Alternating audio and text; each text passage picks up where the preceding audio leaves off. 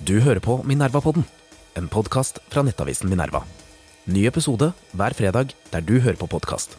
Sakene finner du på minervanett.no.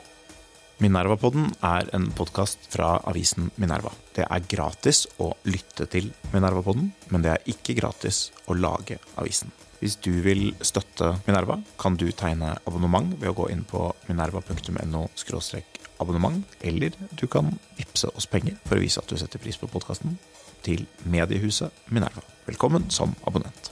Hei og velkommen til Minerva-podden. Mitt navn er Nils August Andresen. Jeg er ansvarlig redaktør i Minerva. Med meg i studio i dag har jeg Nikolai Astrup. Tidligere ansvarlig redaktør i Minerva. Stortingsrepresentant for Høyre. Velkommen. Tusen takk.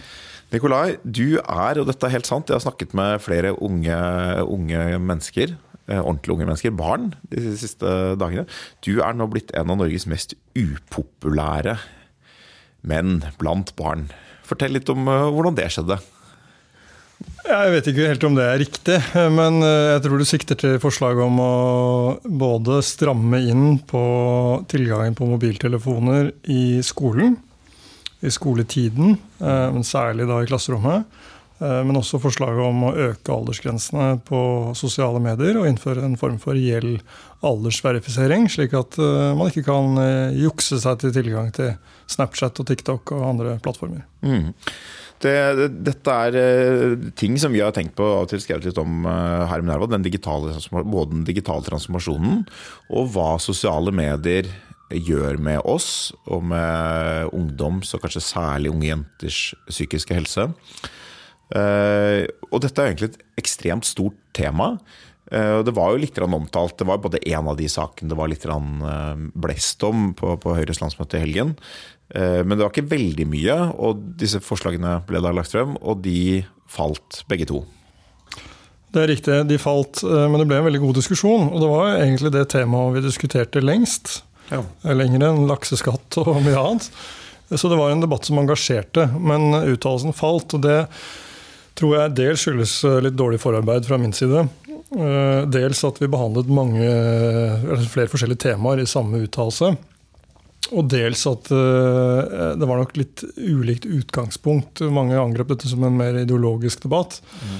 Det ble en slags politikk-politikk-debatt, mens folk der ute Der opplever jeg jo enorm støtte.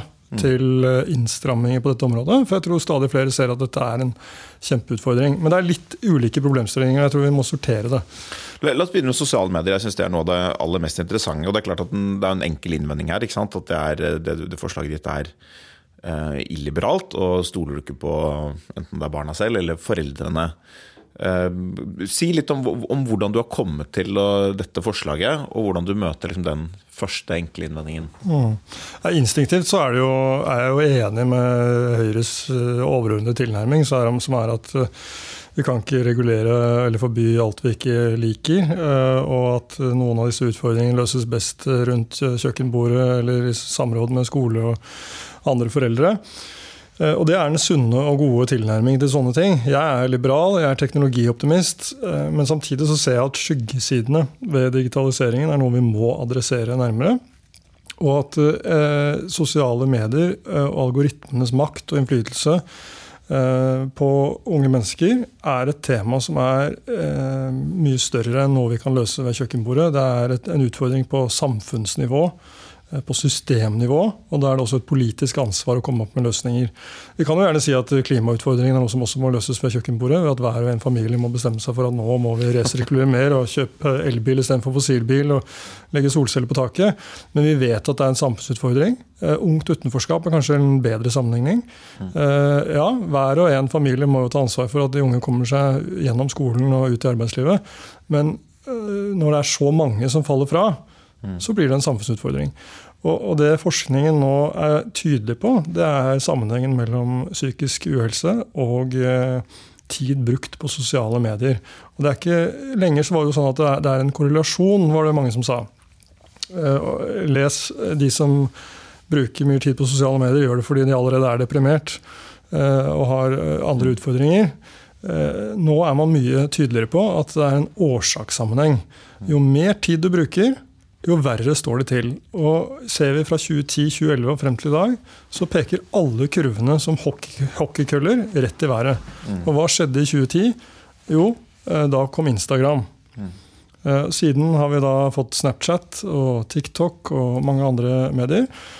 Og så er det det eh, andre synes jeg paradokset er Vi bruker veldig mye tid og krefter på andre områder i samfunnet på å sette aldersgrenser og beskytte barna våre mot innhold som ikke er laget for barn.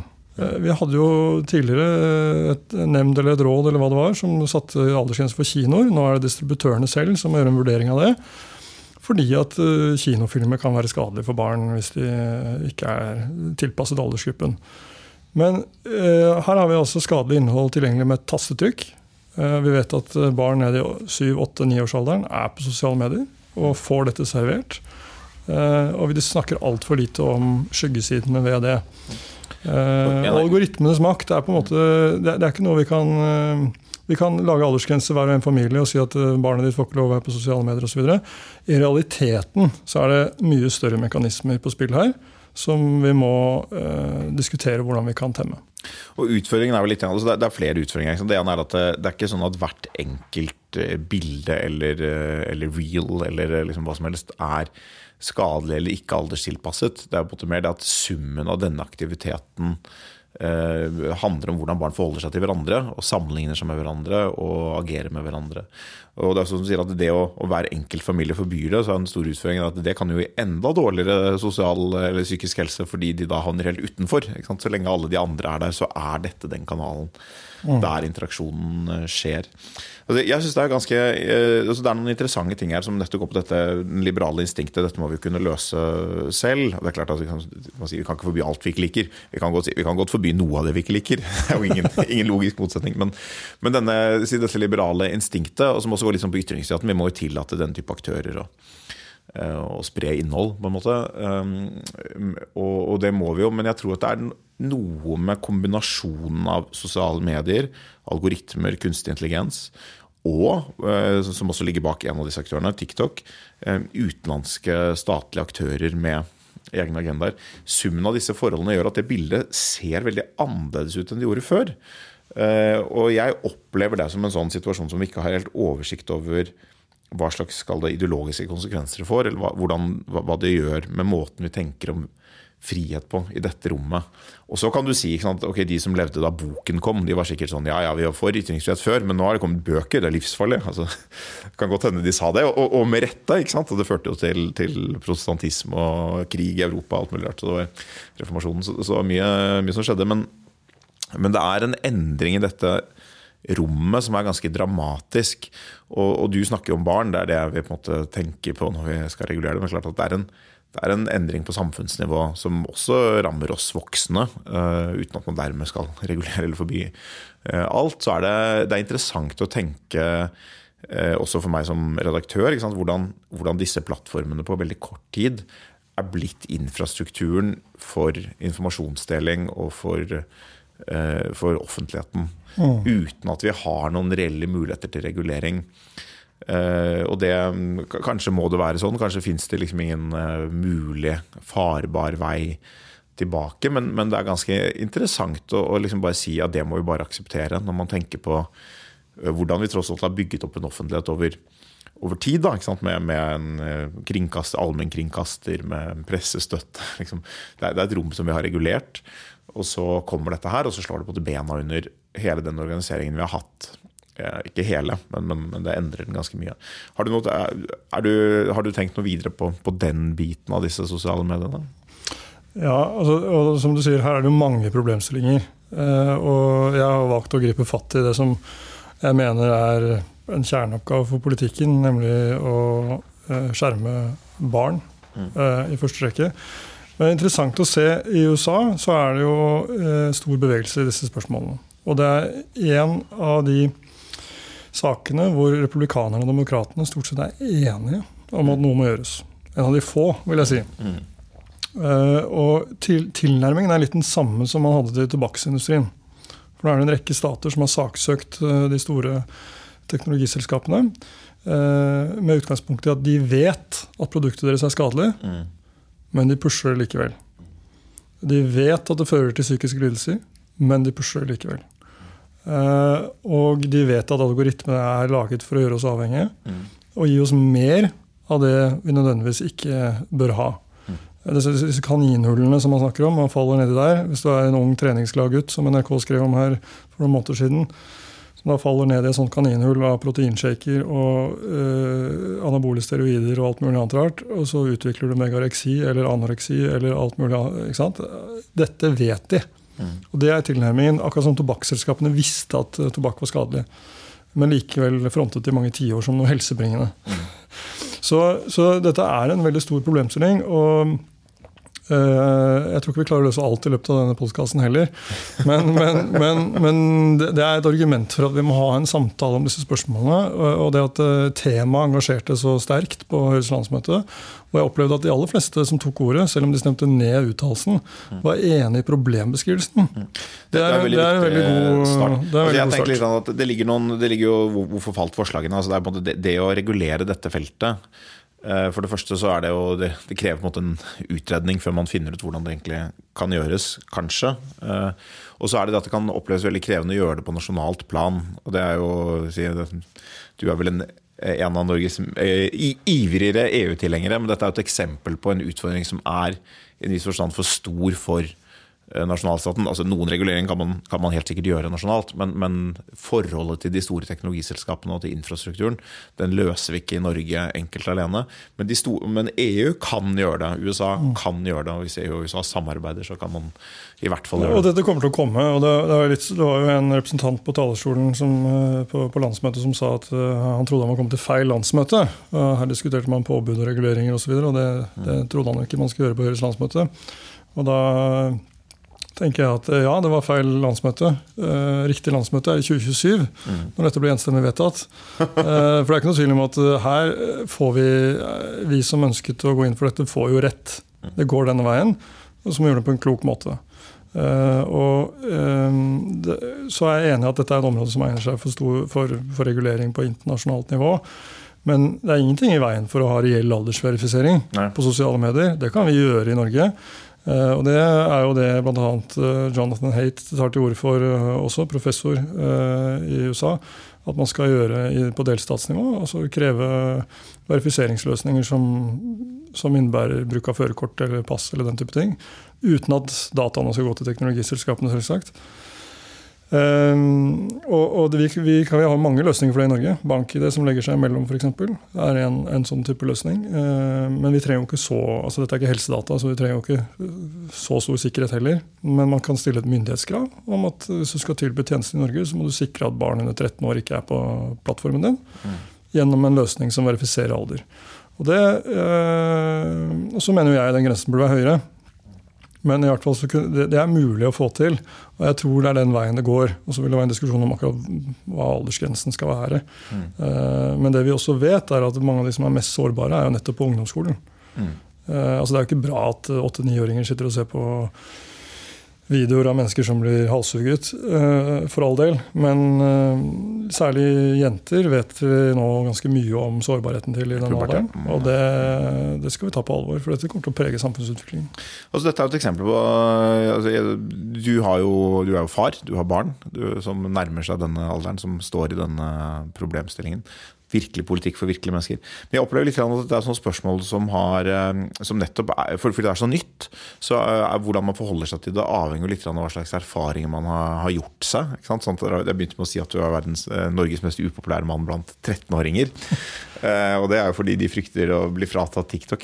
Men, men eh, Eh, det er også kanskje et inntrykk at de som er eldre, eh, som de som er 60 år i dag og har voksne barn og ikke er så tett på denne problemstillingen, de er heller ikke, liksom ikke helt sånn eh, De har et mer ideologisk abstrakt forhold til det. Deler du den vurderingen? absolutt. Og det, men det jeg syns er mest interessant, er en meningsmåling som ble gjort i januar.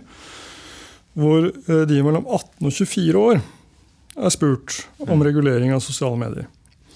Eh, Og eh, da svarer 74% at de mener at eh, sosiale medier bør reguleres opp til 16 år. Mm. 48% svarer at det bør reguleres opp til 18 år. Ja.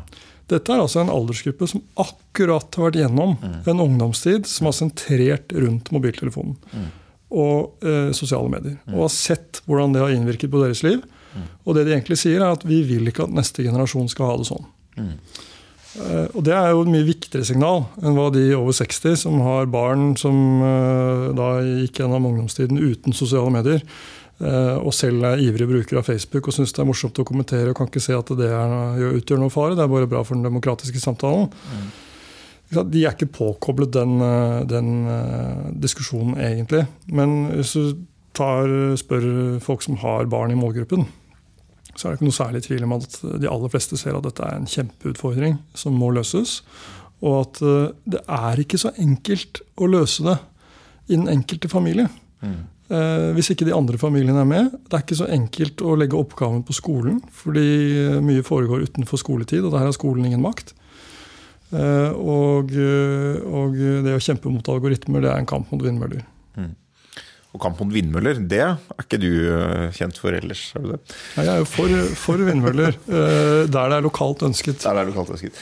Men uh, altså jeg tenker på disse, uh, disse arenaene er veldig viktige for barn, og det, det er noe av det som gjør det vanskelig. selv om Det er veldig interessante undersøkelser du refererer der, men mange av de som står midt oppi det, er jo også både redde for å miste det, og argumenterer, og dette er et argument jeg har hørt i Unge Høyre bl.a., at du har TikTok spesielt, da, men også andre av disse sosiale mediene, er blitt en veldig viktig kilde til nyheter for denne gruppen. Så De er jo redde for at hvis dette går bort, da blir denne gruppen enda mer liksom avkoblet samfunnsdebatten.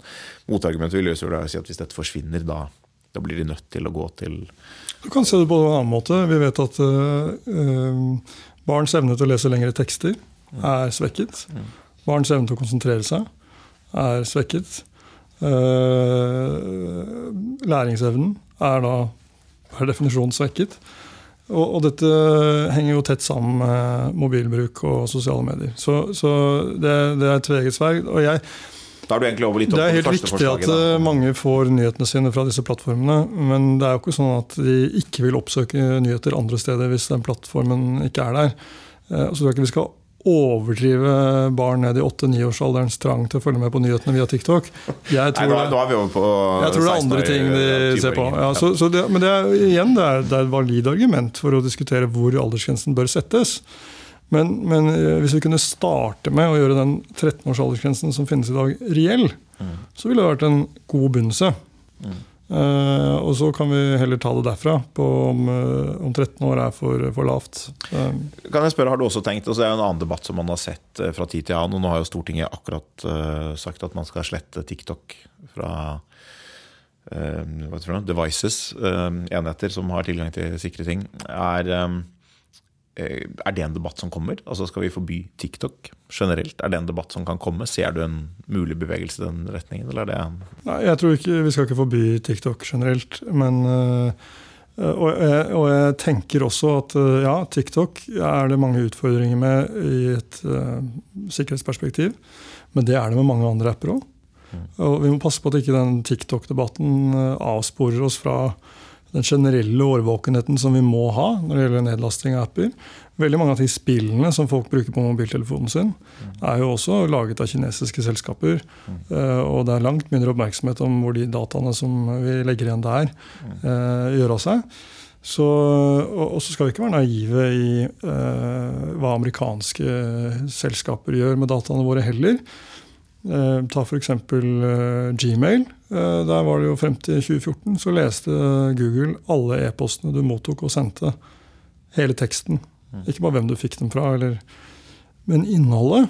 For å kunne da bruke den informasjonen til å målrette reklame mot deg. Det er nå forbudt. Men det, sånn holdt de på mm. i årevis. og det er jo å gå for langt. Helt åpenbart.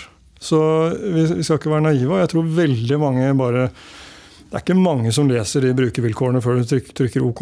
Nei.